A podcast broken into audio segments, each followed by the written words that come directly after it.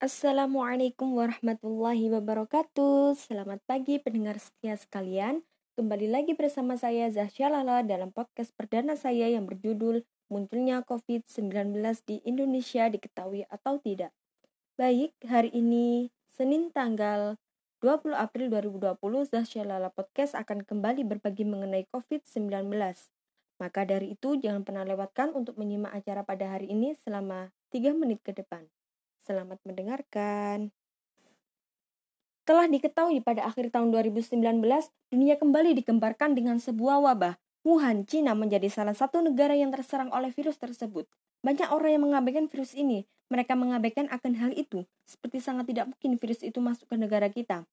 Masuknya COVID-19 ke negara kita ini disebabkan karena salah satu penduduk negara kita melakukan kontak fisik dengan WNA asal Jepang.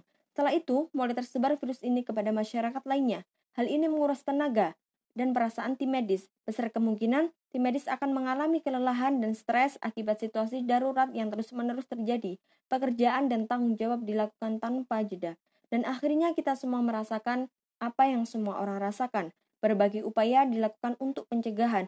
Melihat pandemi virus corona yang belum mereda di Indonesia, pemerintah akhirnya memutuskan untuk melarang semua kegiatan, semua sekolah dari mulai sekolah dasar hingga sekolah tinggi universitas dituntut untuk belajar di rumah saja. Bahkan sebagian orang pekerja juga diliburkan. Hal ini dilakukan untuk pencegahan agar tidak menambah jumlah korban terkait virus COVID-19. Dari situlah masyarakat mulai sadar bahwa kita tidak boleh meremehkan sesuatu apa pun itu. Kebahagiaan kecil di tengah penanganan pasien virus corona diharapkan bisa membangkitkan semangat baru tim medis. Mengingat pandemik ini adalah tantangan yang harus kita hadapi bersama. Sekecil apa pun kita harus bisa memberikan upaya untuk membantu penanggulangan penyebaran virus corona. Tidak terasa ya, sudah 3 menit Zahsya Lala Podcast sudah menemani kalian. Sebelum saya tutup, saya mohon maaf bila terjadi kesalahan dalam tutur kata dan bahasa. Dan semoga apa yang saya bicarakan dapat memberikan manfaat untuk kita semua.